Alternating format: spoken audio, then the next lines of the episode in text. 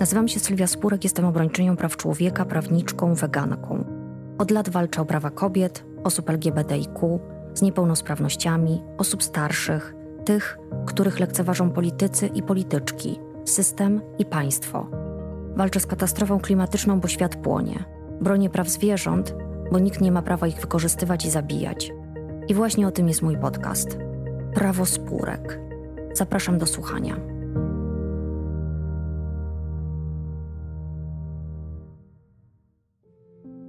W mojej najnowszej publikacji Smród, krew i łzy Włącz myślenie bądź zmianom mówię o wpływie sektora hodowlanego na klimat, środowisko naturalne, mówię o ludziach żyjących w sąsiedztwie ferm, o osobach skazanych na niezdrową żywność, a także o tak zwanych zwierzętach hodowlanych.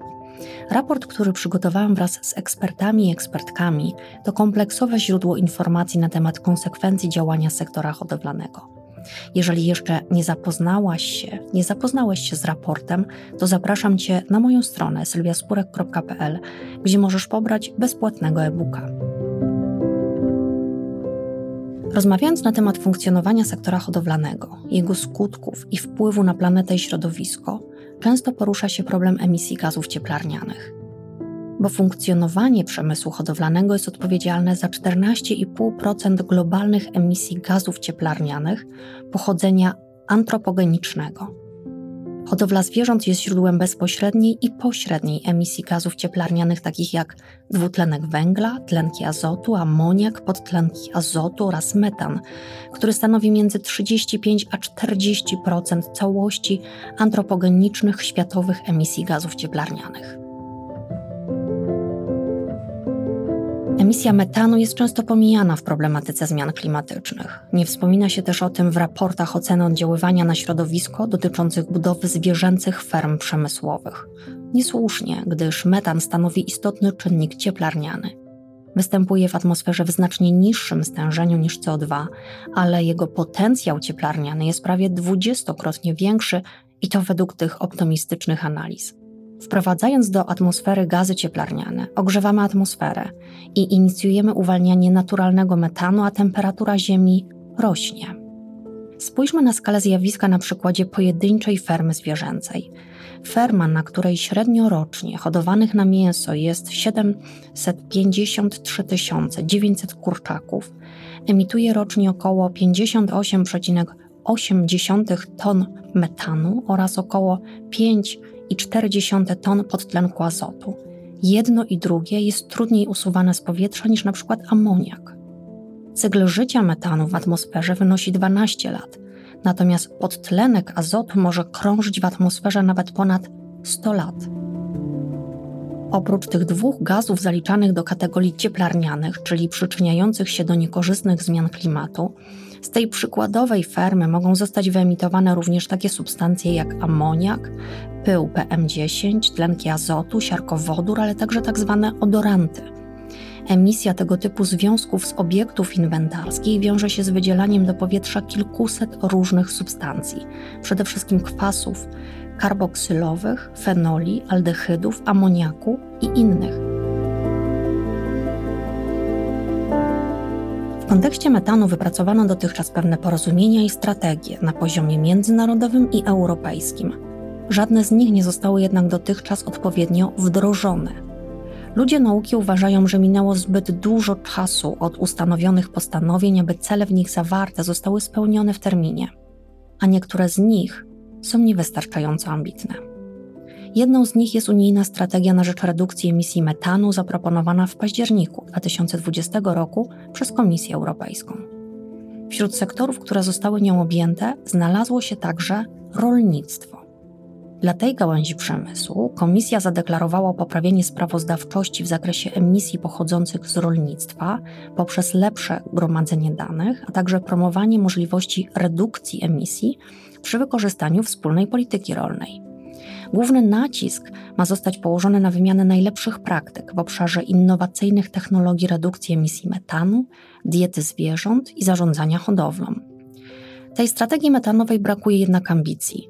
Nie zostały wyznaczone wiążące ograniczenia w zakresie emisji metanu dla państw członkowskich, Brakuje w niej też chociażby obowiązkowych działań, które miałyby być podjęte na poziomie pojedynczych ferm, aby zmniejszyć emisje oraz kompleksowego podejścia do ich pierwotnych źródeł. Mimo planów strategii redukcji metanu, Komisja Europejska nadal nie określa dedykowanych celów dotyczących metanu dla sektora hodowlanego czy finansowania redukcji metanu, zmuszając do polegania na przepisach pełnych luk, które pozwalają ukrywać emisje z hodowli. Według ostatnich badań Europejskiej Agencji Środowiskowej ograniczenie krótkotrwałych zanieczyszczeń, czyli także emisji metanu, mogłoby zmniejszyć globalne ocieplenie o połowę w latach 2030-2050 ale bez nowych środków finansowania emisje metanu w Unii Europejskiej spadną szacunkowo tylko o 17% do końca obecnej dekady. Poza strategią dotyczącą ograniczenia emisji metanu zaprezentowaną przez Komisję, Unia Europejska i Stany Zjednoczone zaproponowały w 2021 roku globalne zobowiązanie dotyczące metanu, które miałoby pomóc w spełnieniu porozumienia paryskiego poprzez ograniczenie emisji metanu o 30% do 2030 roku. Jednak w związku z brakiem jakichkolwiek działań Komisji Europejskiej w zakresie emisji pochodzących od tzw. Tak zwierząt gospodarskich, Unia Europejska jest na drodze do niedotrzymania postanowień zobowiązania. Analizy pokazują, że redukcja emisji dwutlenku węgla nie wystarczy, aby rozwiązać kryzys klimatyczny. Aby powstrzymać wzrost globalnych temperatur, świat musi szybko podjąć działania w sprawie metanu, drugiego potężnego gazu cieplarnianego. Durwood Zelk, prezes Institute for Governance and Sustainable Development i główny recenzent Międzyrządowego Zespołu do Spraw Zmian Klimatu, powiedział, że redukcja metanu jest prawdopodobnie jedynym sposobem na powstrzymanie wzrostu temperatury o 1,5 stopnia Celsjusza, powyżej poziomu sprzed epoki przemysłowej, powyżej którego ekstremalne warunki pogodowe będą się nasilać. W przeciwnym razie nasilą się ekstremalne zjawiska pogodowe i może dojść do uruchomienia kilku planetarnych punktów krytycznych, z których nie będzie już powrotu. Zerk zwraca uwagę, że redukcja metanu jest największą szansą na spowolnienie ocieplenia w okresie od teraz do 2040 roku. Musimy stawić czoła temu zagrożeniu. Inicjatorzy i inicjatorki Plant-Based Treaty, czyli tzw. Tak traktatu roślinnego, wzorowanego na słynnym Fossil Fuel Treaty, mówią jasno. Sama walka z paliwami kopalnymi, która dominuje międzynarodowy dyskurs klimatyczny, nie wystarcza. Aby ratować planetę, potrzebujemy również działań w zakresie systemów żywnościowych. Trzy główne gazy cieplarniane dwutlenek węgla, metan i podtlenek azotu osiągają rekordowe poziomy i szybko przyspieszają. Rolnictwo zwierzęce przyczynia się do emisji wszystkich trzech gazów, ale jest główną siłą napędową emisji metanu i podtlenku azotu na świecie. Rolnictwo zwierzęce prowadzi także do kradzieży ziemi, rdzennych mieszkańców i mieszkanek Amazonii. Naraża społeczności marginalizowane rasowo i etnicznie na nieproporcjonalnie duże ilości toksycznych odpadów z ferm fabrycznych i rzeźni, a także naraża pracowników na kontakt z toksycznymi chemikaliami, niebezpieczne warunki pracy i ciężkie urazy. Wniosek jest jeden. Należy pilnie i w równym stopniu zająć się trzema gazami cieplarnianymi. Roślinne rozwiązania oraz rozwiązania energetyczne, które mogą złagodzić tę katastrofę, są w zasięgu ręki. Musimy je tylko wdrożyć. Traktat roślinny oferuje znaczące rozwiązania i solidną ścieżkę, która zmniejszy nasz wpływ na planetę.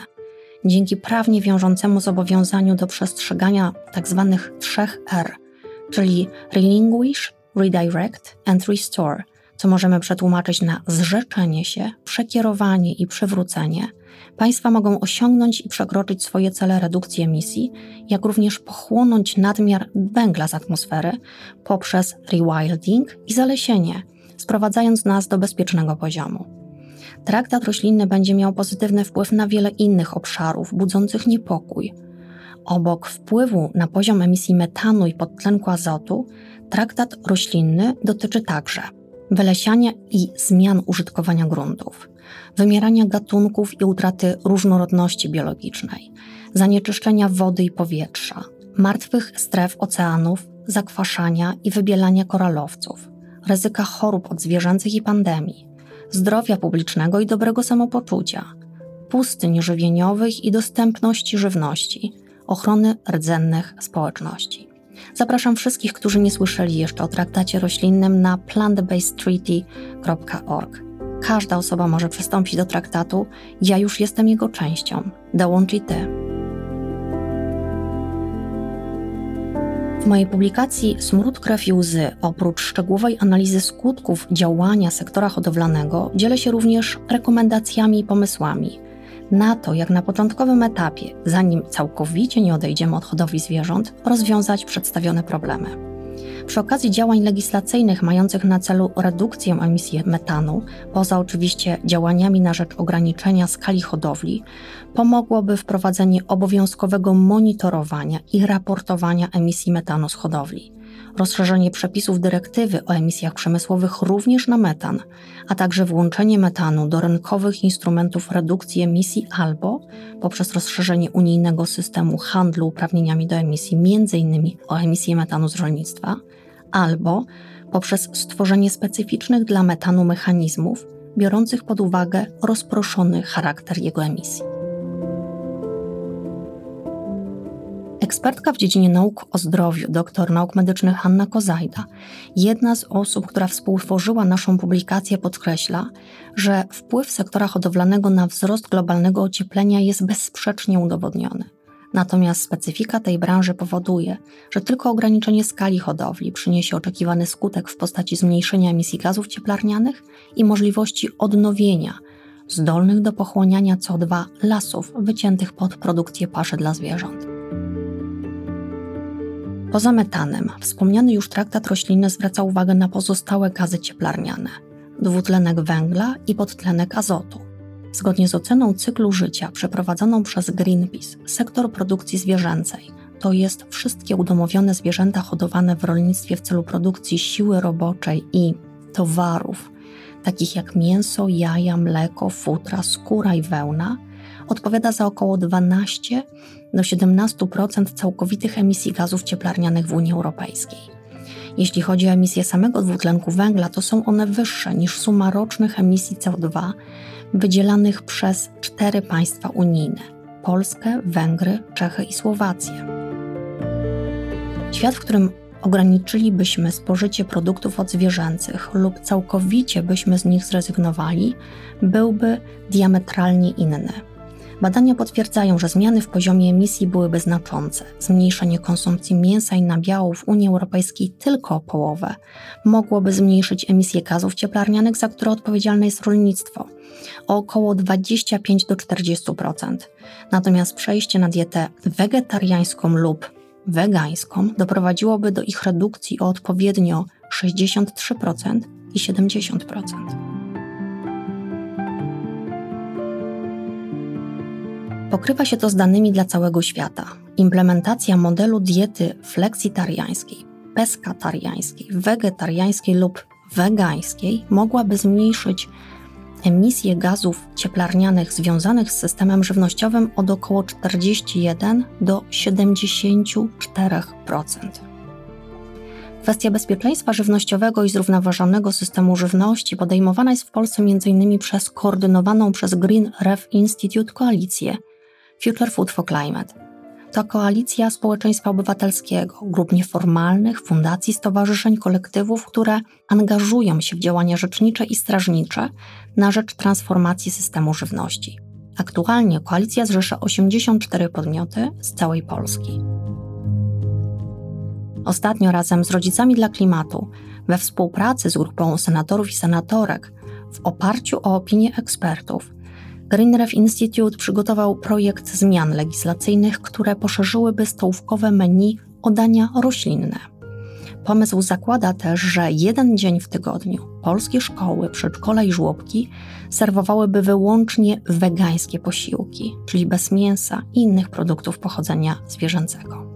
Obok metanu, znanemu wszystkim dwutlenku węgla, jest jeszcze podtlenek azotu, którego emisje w równym stopniu powinny zostać zredukowane. Podtlenek azotu, tak jak pozostałe dwa gazy, jest gazem cieplarnianym. Powstaje w wyniku naturalnych procesów w oceanach, wodach powierzchniowych, lasach deszczowych oraz w glebie, ale także w wyniku działalności człowieka poprzez nawożenie, spalanie paliw kopalnych czy przemysłową produkcję środków chemicznych wymagającą użycia azotu. Zwierzęca produkcja przemysłowa jest poważnym źródłem tego związku.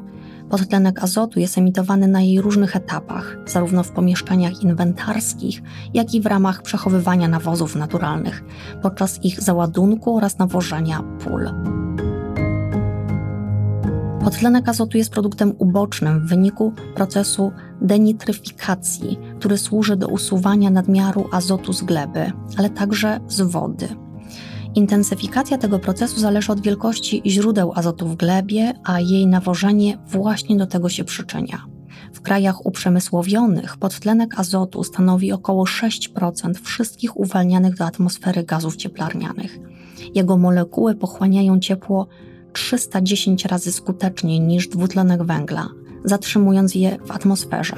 Od początku rewolucji przemysłowej stężenie podtlenku azotu w atmosferze wzrosło o około 16%, co oznacza wzmocnienie efektu cieplarnianego od około 4 do 6%. Kontrola emisji gazów do atmosfery, w tym gazów cieplarnianych, w przypadku ferm zwierzęcych w wielu krajach jest problematyczna i nieskuteczna. Obliczenia wielkości składki za odprowadzanie gazów i pyłów do atmosfery dokonywane są samodzielnie przez inwestora lub inwestorkę. W praktyce nie ma możliwości weryfikacji poprawności tych obliczeń, dlatego że podstawowym problemem jest ustalenie liczby zwierząt na fermach. Do takich informacji nie mają dostępu organizacje niezależne, a dane gromadzone w istniejących bazach instytucji państwowych są niedostateczne. Niedobór informacji przekłada się na mniejsze wpływy do budżetu państwa i jednocześnie przenosi na społeczeństwo koszty związane z rekultywacją zdewastowanego środowiska. Ludzie, w których sąsiedztwie powstaje ferma, bardzo szybko i dotkliwie odczuwają, co w praktyce oznacza brak dobrych przepisów. Świadczy o tym także liczba protestów związanych z budową ferm zwierzęcych. W niektórych krajach widoczne są coraz większe rozbieżności pomiędzy stanem środowiska a opracowaniami instytucji monitorujących, co wzbudza wątpliwości, czy prowadzone badania rzetelnie wskazują na aktualny stan zasobów środowiskowych i przyrodniczych. Odzwierciedleniem tego są opinie ekspertów i ekspertek. W szczególności dotyczy to obszarów z rolniczą przestrzenią produkcyjną, ponieważ to produkcja rolna stanowi obecnie jedno z większych zagrożeń dla otoczenia. Przykładem takiego kraju jest Polska, w której w ostatnich latach obserwujemy pogorszenie jakości wód powierzchniowych i niewywiązywanie się z międzynarodowych porozumień i prawodawstwa unijnego w zakresie chociażby ramowej dyrektywy wodnej, dyrektywy azotanowej czy też dyrektywy ściekowej. Rolnictwo zwierzęce jest głównym czynnikiem przyczyniającym się do kryzysu klimatycznego. Jak mówi Anita Krańcz, dyrektorka wykonawcza Ruchu na Rzecz Ochrony Zwierząt, koordynatorka globalnej kampanii traktatu roślinnego, kiedy zmienimy sposób, w jaki traktujemy zwierzęta, ruszymy w kierunku zupełnie innego stylu życia. Na planecie, na której mamy lasy i którą dzielimy razem z innymi gatunkami. Dlatego tak ważne jest, abyśmy w kontekście walki z katastrofą klimatyczną mówili o transformacji sektora hodowlanego i odejściu od rolnictwa zwierzęcego, od eksploatacji i zabijania zwierząt na jedzenie. Musimy podnosić ten temat coraz śmielej i częściej, aby uświadamiać ludzi, przede wszystkim osoby decyzyjne. Pozwoli to na redukcję gazów cieplarnianych i ratunek naszej planety. Czasu nie jest jednak wiele, potrzebne nam są szybkie i zdecydowane działania. Więcej o tym, co sektor hodowlany robi z naszym życiem, naszym otoczeniem, jak wielkie powoduje cierpienie, możecie przeczytać w naszej publikacji Smród, krew i łzy. Włącz myślenie bądź zmianą. Bezpłatny e-book możecie pobrać wchodząc na moją stronę www, a bezpłatną wersję drukowaną możecie zamówić pisząc do mnie maila. Do usłyszenia.